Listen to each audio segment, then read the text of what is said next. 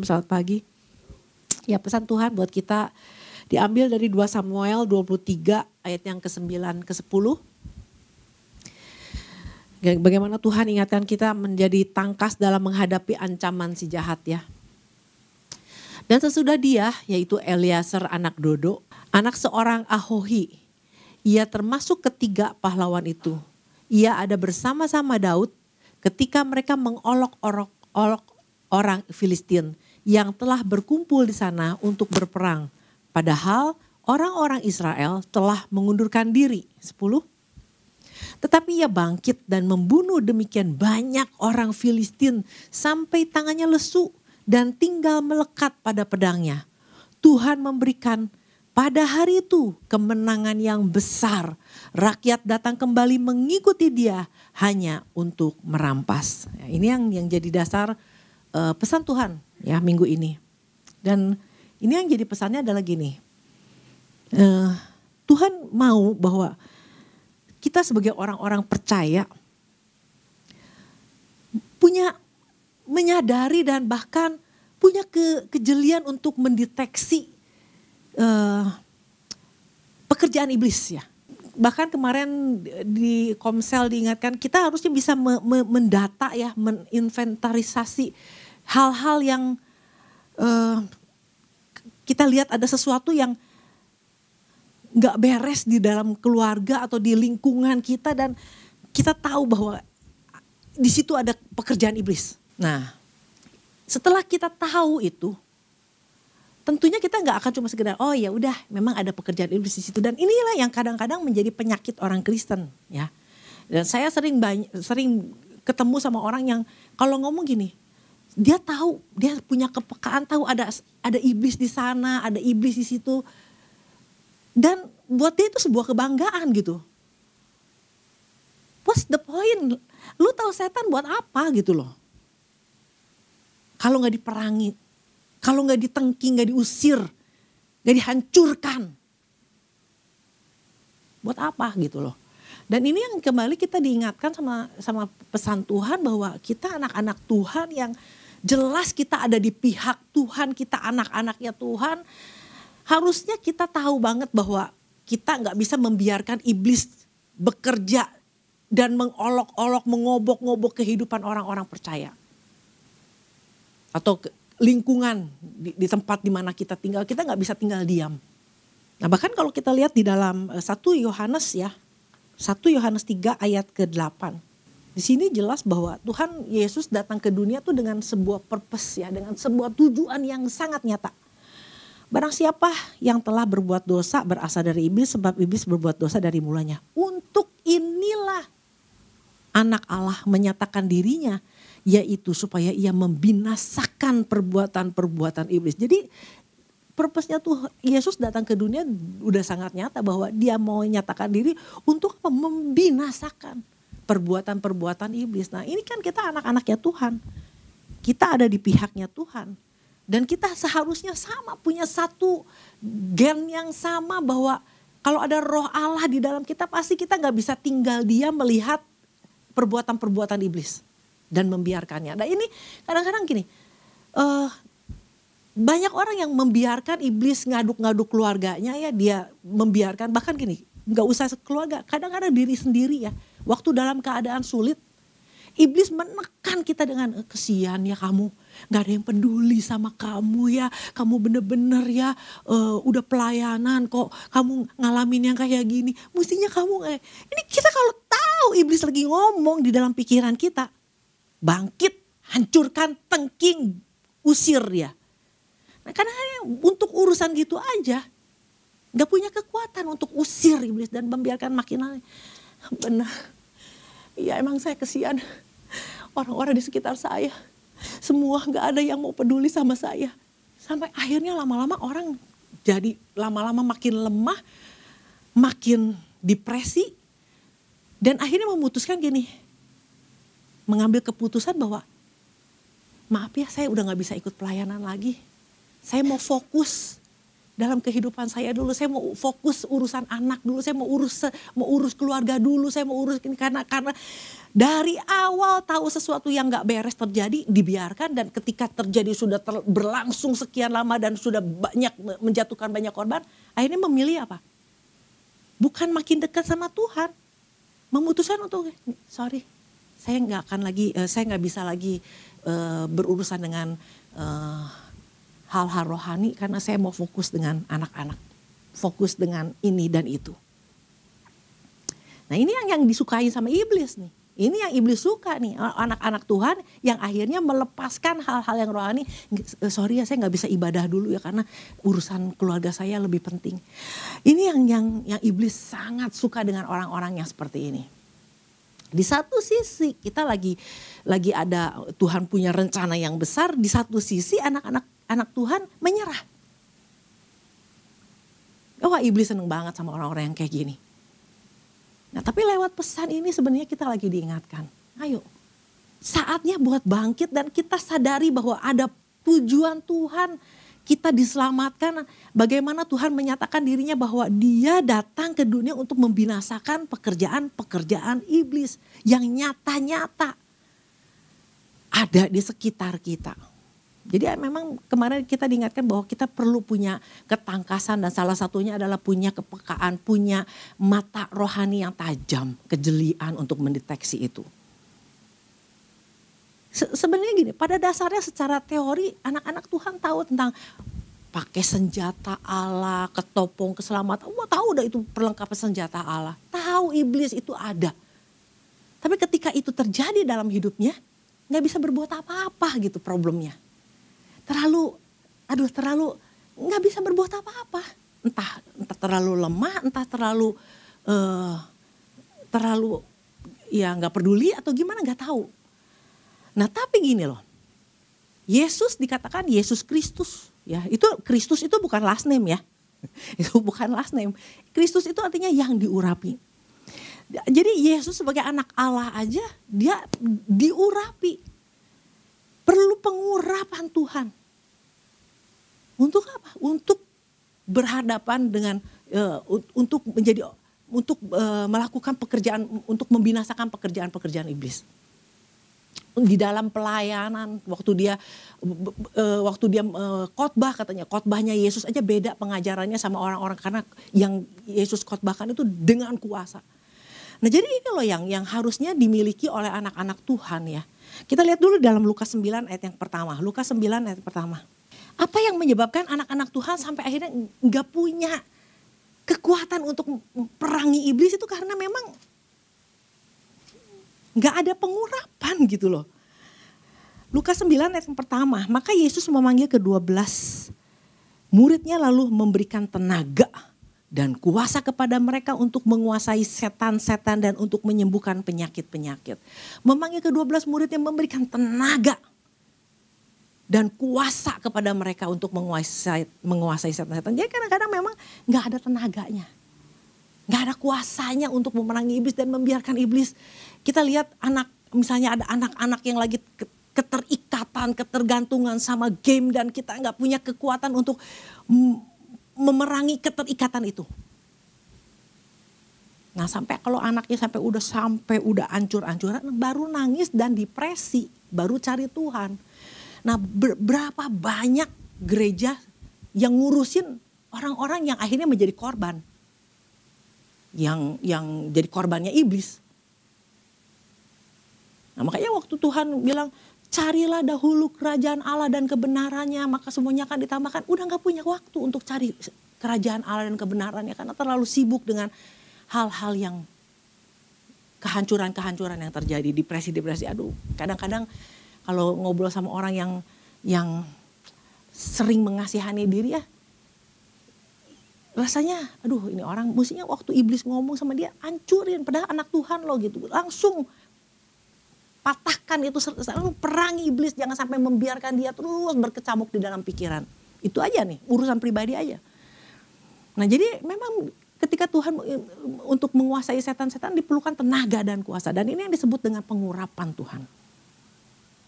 Yesus diurapi, makanya gini, orang-orang yang diurapi Tuhan, orang-orang yang berjalan di dalam pengurapan Tuhan adalah orang-orang yang punya kepekaan dan nggak ragu untuk lawan iblis.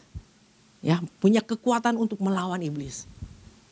Nah ini pengurapan ini penting bahkan gini, orang yang di bawah pengurapan ini harusnya menjadi orang percaya yang luar biasa. Dia waktu misalnya singer gitu, di dalam waktu singernya kalau di, tidak di dalam pengurapan dia cuma jadi singer yang nyanyiin lagu-lagu rohani. Tapi orang yang singer yang yang um, dalam pengurapan Tuhan itu menjadi worshiper yang luar biasa. Di situ bedanya. Orang yang khotbah tanpa pengurapan cuma ngomongin info, memberikan informasi-informasi. Bisa bagus gak? Bisa bagus. Karena pinter.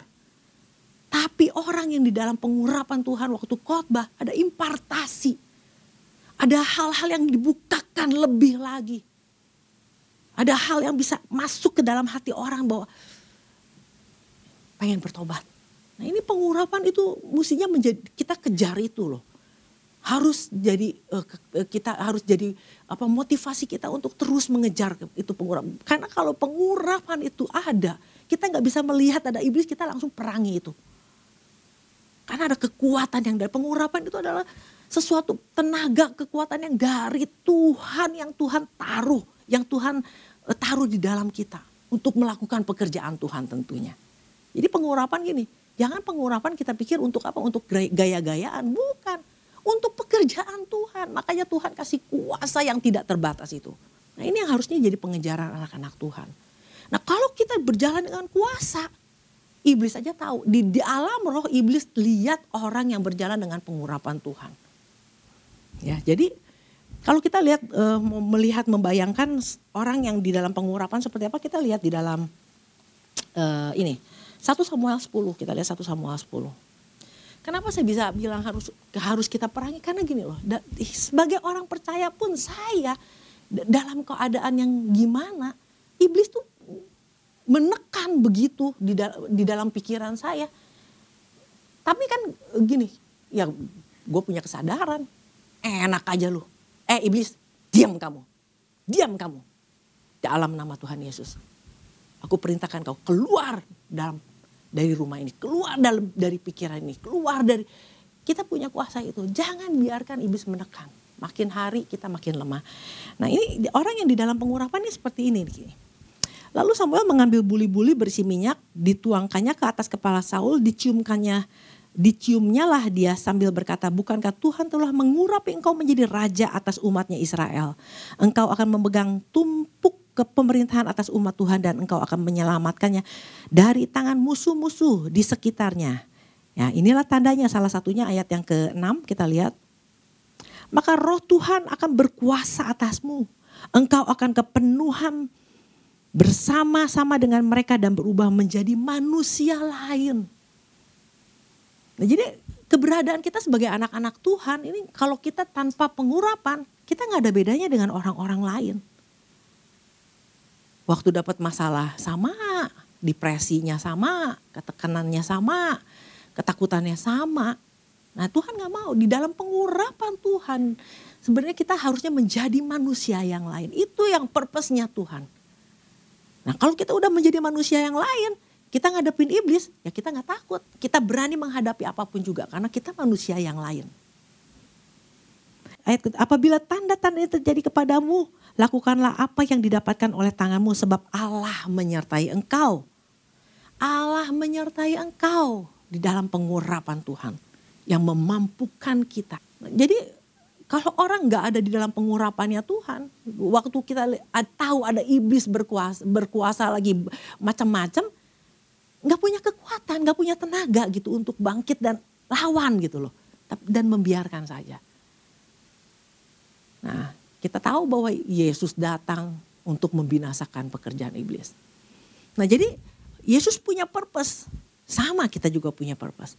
Nah purpose-nya Tuhan ditambah dengan pengurapan Tuhan maka kedahsyatan terjadi. Maka iblis bisa dikalahkan. Nah, apa yang menyebabkan sama eh, sama sama Saul dia dia dia dia nggak punya purpose. Dia hidup di, tidak pakai di, tidak di dalam purpose-nya Tuhan. Sehingga pengurapannya Tuhan yang tadinya dia bisa begitu menjadi manusia yang lain, akhirnya apa? Ya waktu dia nggak nggak lagi ting, menjalani menghidupi purpose-nya Tuhan, ya udah dia hidup di dalam ketidaktaatan, dia hidup untuk diri sendiri, dia dia lakukan apa yang harus menjadi ke, ke, kepentingannya dia. Nah pengurapan Tuhan tidak lagi bekerja di dalam dia. Tuhan nggak buat apa Tuhan ngurapin orang yang punya agenda pribadi. Paham? Jadi pengurapan itu Tuhan kasih untuk apa? Untuk pekerjaannya Tuhan, bukan untuk agenda pribadi. Nah, waktu orang yang eh, orang yang yang tadinya Saul diurapi di, dikatakan pengurapan itu dia diurapi sebagai raja dan juga untuk apa? Di, dikatakan di, untuk uh, menyelamatkan Israel dari tangan musuh. Artinya untuk perang juga. Nah waktu dia udah nggak ke, kehilangan pengurapannya Tuhan, akhirnya dia apa perang juga nggak tuntas. Dia ngelihat iblis uh, musuh begitu banyak dan dia mulai mengambil tindakan-tindakan bodoh karena nggak ada pengurapan. Dan akhirnya orang orang yang tidak lagi uh, apa tidak di dalam pengurapan Tuhan, bukannya perang set, perangin setan tapi perangi orang yang diurapi Tuhan. Dia mulai perangi Daud, dia mulai kejar-kejar Daud. Jadi musuh udah bukan menjadi musuh, tapi yang di pihak Tuhan menjadi musuhnya dia. Nah ini bahaya saudara. Nah makanya inilah yang yang yang ketika saya renungkan ini Tuhan ingatkan ini tentang uh, iblis uh, mengancam kita dan kita harus perangi dan ini kita mesti tangkap benar gitu bahwa kita membutuhkan untuk perangi iblis kita membutuhkan pengurapan yang dari Tuhan. Saya pernah sampaikan bahwa iblis itu bukan musuh kita, dia musuhnya Tuhan. Oleh karena itu untuk kita lawan iblis, kita perlu kekuatan supernatural dari Tuhan, kekuatan yang dahsyat yang Tuhan limpahkan buat kita. Makanya kalau udah pengurapan itu, wah kejelian, kekuatan, kita kita mampu melakukannya ada kuasa. Jadi bukan gini, perang itu bukan cuma dalam nama Yesus, dalam nama Yesus, dalam nama Yesus. Kalau nggak ada kuasa, nggak ada tenaga yang keluar, juga iblis tidak akan pergi. Nah, bagaimana dapat pengurapan itu? Nah, dikatakan bahwa pengurapan itu nggak bisa di, Pak, tolong dong saya diurapi. Pengurapan itu sebenarnya gini, kita mesti datang sendiri, punya hubungan pribadi, punya membangun kehidupan pribadi kita hari lepas hari dengan Tuhan. Nah kalau hari kalau hari Selasa kita diurapi, diurapi kita sebenarnya gini, diingatkan bahwa hey, lu orang luar biasa. Ada pengurapan Tuhan turun atas kamu. Ketika kita diurapi sebenarnya kita lagi diingatkan bahwa kita ini adalah orang-orang yang harusnya bekerja di dalam pekerjaannya Tuhan. Dan Tuhan sudah melengkapi kita dengan pengurapan itu. Nah kan begitu pulang ya udah gitu. Gak ada lagi hubungan yang dibangun nggak ada lagi kedekatan-kedekatan dengan Tuhan. Dan Tuhan bilang bahwa firman Tuhan katakan bahwa di luar aku kalau kamu nggak deket-deket sama aku, kamu nggak bisa berbuat apa-apa. Bahkan untuk ngenalin setan aja nggak mampu, untuk lawan setan apalagi kamu nggak akan mampu. Nah jadi bagian kita anak-anak Tuhan terus membangun supaya apa? Kita punya dan e, membangun kehidupan sama Tuhan, ke kehidupan pribadi kita dengan Tuhan dan minta Tuhan mengurapi kita. Bukan untuk, untuk apa mengurapi kita? Untuk kita melakukan pekerjaannya Tuhan. Nah, dan ketika dan kalau kita lihat tadi bagaimana uh, uh, Saul menjadi luar biasa ya, ya, menjadi manusia yang lain ketika ada dia bersekutu dengan nabi. Begitu dia bersama-sama dengan nabi, dia menjadi orang yang luar biasa. Ada pengurapan Tuhan turun atas dia dia bisa bernubuat. Nah jadi artinya gini, kita kalau kita minta pengurapan dari Tuhan juga jangan datang cuma minta diurapi, bergaullah dengan orang-orang yang diurapi Tuhan. Harus ada selalu bersama dengan orang-orang yang diurapi Tuhan. Kalau kita bergaul dengan orang pemarah, kita jadi pemarah. Betul? Kalau kita bergaul dengan orang yang diurapi Tuhan, maka pengurapan itu terimpartasi buat kita. Untuk apa? Untuk pekerjaannya Tuhan. Untuk sama-sama melakukan pekerjaannya Tuhan. Nah makanya nggak heran kalau tadi kita baca di uh, satu di 2 Samuel 23 bagaimana Al Eliasar menjadi orang yang luar biasa, triwiranya Daud wah begitu luar biasa perang punya tanggung jawab untuk menghadapi musuh. Karena dia bersama-sama dengan siapa? Triwira ini bersama dengan siapa? Dengan orang yang diurapi, dengan Daud. Nah jadi untuk itu gini loh, sangat disayangkan kalau misalnya orang, ayo bangun, aduh gak bisa, di rumah saya teh sempit ya. Saya teh di kamar aja tinggal teh rame-rame. Bagaimana saya mau melakukan hubungan pribadi dengan Tuhan, terlalu berisik gitu loh. Nah kita bisa bikin banyak alasan untuk kita tidak datang sama Tuhan. Ini yang luar biasanya gini, tempat ini bertahun-tahun Tuhan kasih eh, tempat ini, tempat sebuah tempat ya difasilitasi untuk orang-orang datang beribadah satu jam berhur, berurusan dengan Tuhan. Itu sangat membantu. Nah kadang-kadang kan orang curiga, kok disuruh-suruh sih datang e, doa pagi? Kenapa mesti curiga? Dimintain duit enggak? Enggak ada persembahan lagi. Betul? Cuma difasilitasi orang kalau di rumah lu terlalu kecil dan terlalu berisik, datang ke sini. Satu jam bersama dengan Tuhan. Supaya apa? Kita terus kuat karena kita yang kita berurusan dengan musuh yang satu kita nggak bisa lihat, betul? Tapi kuasanya, dia punya kekuatan untuk bisa menghancurkan manusia yang yang biasa-biasa aja. Nah, betapa kita membutuhkan pengurapan Tuhan dan kita datang sama Tuhan lebih lagi. Pernah waktu ada orang yang dalam keadaan sulit dibilang, ya udah ikut doa pagi. Kenapa sih mesti doa pagi? Emang kalau udah doa pagi masuk surga ya katanya gitu. Bukan gitu. Belajar membangun, belajar menyembah, belajar berdoa, belajar datang sama Tuhan. Dan dengar kebenaran firman Tuhan. Dan semuanya gratis. Gak pernah ada pembayaran. Bahkan kalau dipikir-pikir, emang buka tempat ini satu jam ini kan AC, ada yang harus dibayar, ada listrik yang harus dibayar. Tapi semuanya diberikan kepada seluruh jemaat untuk datang sama Tuhan gratis. Nah, jadi nggak ada alasan untuk kita nggak bisa membangun kehidupan pribadi. Mungkin di rumah susah, susah coba datang ke sini. Nah ya, Bagi, buat saya gini, waktu saya lemas di rumah ya, kalau kita lemas, saya harus paksakan diri saya datang ke sini. Buat apa? Datang ke tempat sini bukan untuk untuk kepentingan orang lain, tapi untuk kepentingan saya. Begitu saya daging saya saya kalahkan, maka saya dengan mudah saya bisa menyembah Tuhan karena daging udah dikalahin. Kadang-kadang kan daging itu yang menghalangi kita untuk datang sama Tuhan. Nah oleh karena itu biar pagi hari ini kita diingatkan bahwa Daud luar biasa. Dia punya anak buah yang luar biasa. Kenapa? Dia berjalan dalam purpose-nya Tuhan dan dia juga diurapi Tuhan. Daud dengan Saul sama-sama orang yang diurapi Tuhan. Tapi Daud berjalan di dalam purpose-nya Tuhan. Nah kalau orang berjalan dalam purpose-nya plus ada pengurapan yang dari Tuhan menjadi luar biasa. Pekerjaan Tuhan akan mudah dilakukan, cepat selesai dilakukan. Kenapa? Karena ada orang-orang yang luar biasa.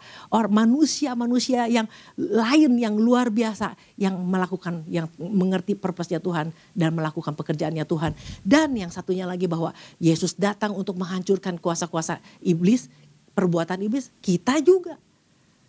Nah, oleh karena itu sebelum mungkin kita nggak bisa belum bertindak untuk orang lain, bertindaklah dulu buat diri sendiri kalau kita tahu ada hal-hal yang membuat kita menjadi begitu keterikatan, ketergantungan, ada yang menekan kita, mulai perangi itu. Kita nggak bisa, orang percaya tuh nggak bisa lepas dari yang namanya doa peperangan. Nah jadi doa peperangan jangan bukan juga gini, dalam nama Tuhan Yesus, dalam nama Tuhan. Enggak, iblis itu kita perangi dalam nama Tuhan. Jadi kita perangi iblis nggak bisa dalam hati.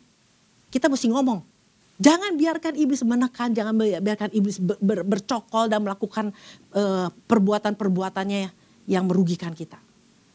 Nah, oleh karena itu saya percaya ketika pesan Tuhan ini datang buat kita, Tuhan mau ajar kita.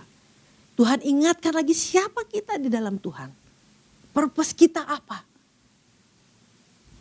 Nah, demikian firman Tuhan, biarlah kita semua belajar untuk terus datang lebih lagi mendekat sama Tuhan. Lebih lagi uh, minta kita doa dan kita minta Tuhan urapi aku untuk melakukan pekerjaan Tuhan. Demikian firman.